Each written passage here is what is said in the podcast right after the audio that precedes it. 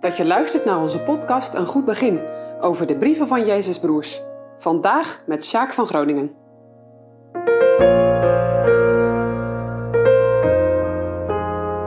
Gebed om vergeving, Jacobus 5, vers 16 tot 20. We zijn toe aan de laatste versen van Jacobus 5. Laten we ze samen eerst lezen. Beleid elkander de misdaden en bid voor elkander, opdat gij gezond wordt. Een krachtig gebed des rechtvaardigen vermag veel. Elia was een mens van gelijke bewegingen als wij, en hij bad een gebed dat het niet zou regenen, en het regende niet op de aarde in drie jaren en zes maanden. En hij bad wederom, en de hemel gaf regen, en de aarde bracht haar vrucht voort. Broeders, indien iemand onder u van de waarheid is afgedwaald, en hem iemand bekeert, die weten dat degene die een zondaar van de dwaling zijn wegs bekeert, een ziel van de dood zal behouden en menigte der zonden zal bedekken. Jacobus roept in vers 16 op om elkaar de zonde te beleiden en voor elkaar te bidden. Tuurlijk moeten we niet iedere verborgen zonde aan de grote klok hangen. Toch kan het bevrijdend zijn om bepaalde boezemzonden die slechts bij de zondaar zelf bekend zijn, aan iemand op te biechten, die je echt kunt vertrouwen.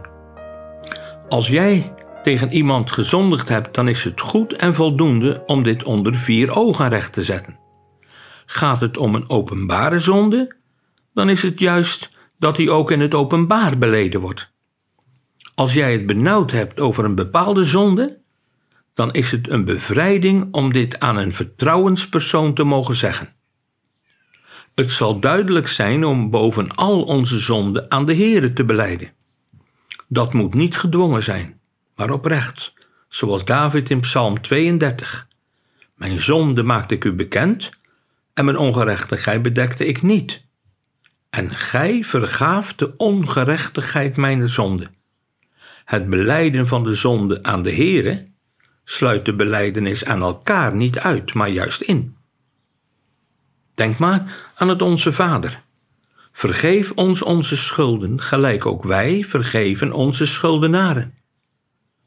Elia nam een grote plaats in als voorbidder voor het volk. Toch haalt Jacobus hem van een voetstuk, als hij zegt: Toch was hij even als wij een mens. Jacobus wil ons laten zien dat het gebed van een rechtvaardige veel vermag, niet alles. Het gebed is voor werkelijk kerk zijn van het allergrootste gelang. Dat was in de tijd van Jacobus, maar ook voor ons in 2022. Waar gaat het in de laatste versen, vers 19 en 20 om? Dat de gemeenteleden zich richten op de naaste. Met welk doel? Met het oog op zijn behoud.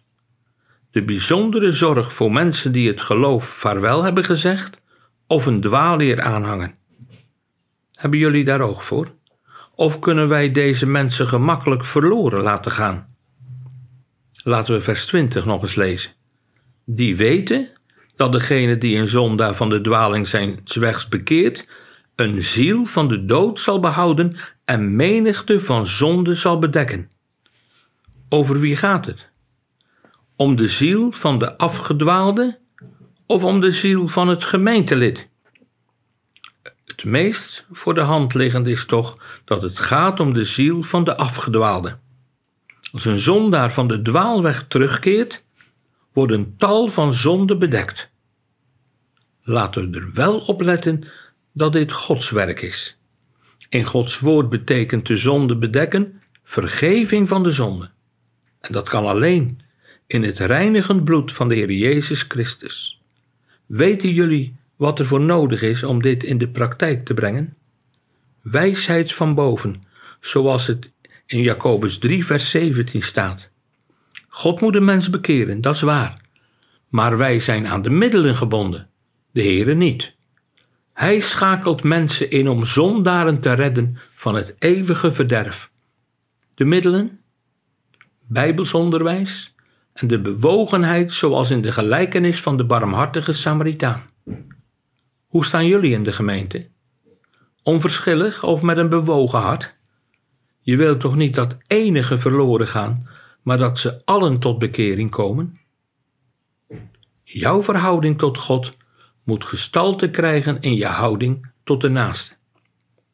Een gemeente die zo spreekt en zo handelt, zal geestelijk groeien. Maar ook iedere gelovige persoonlijk die in de praktijk brengt wat Jacobus geschreven heeft, zal in zijn of haar persoonlijke leven daar de geestelijke vrucht van plukken. Heere, gedenk. Heere, hoor. Heere, vergeef mij al mijn zonden die uw hoogheid schonden, om Jezus wil. Amen. Heeft een ziekte altijd met een bepaalde zonde te maken?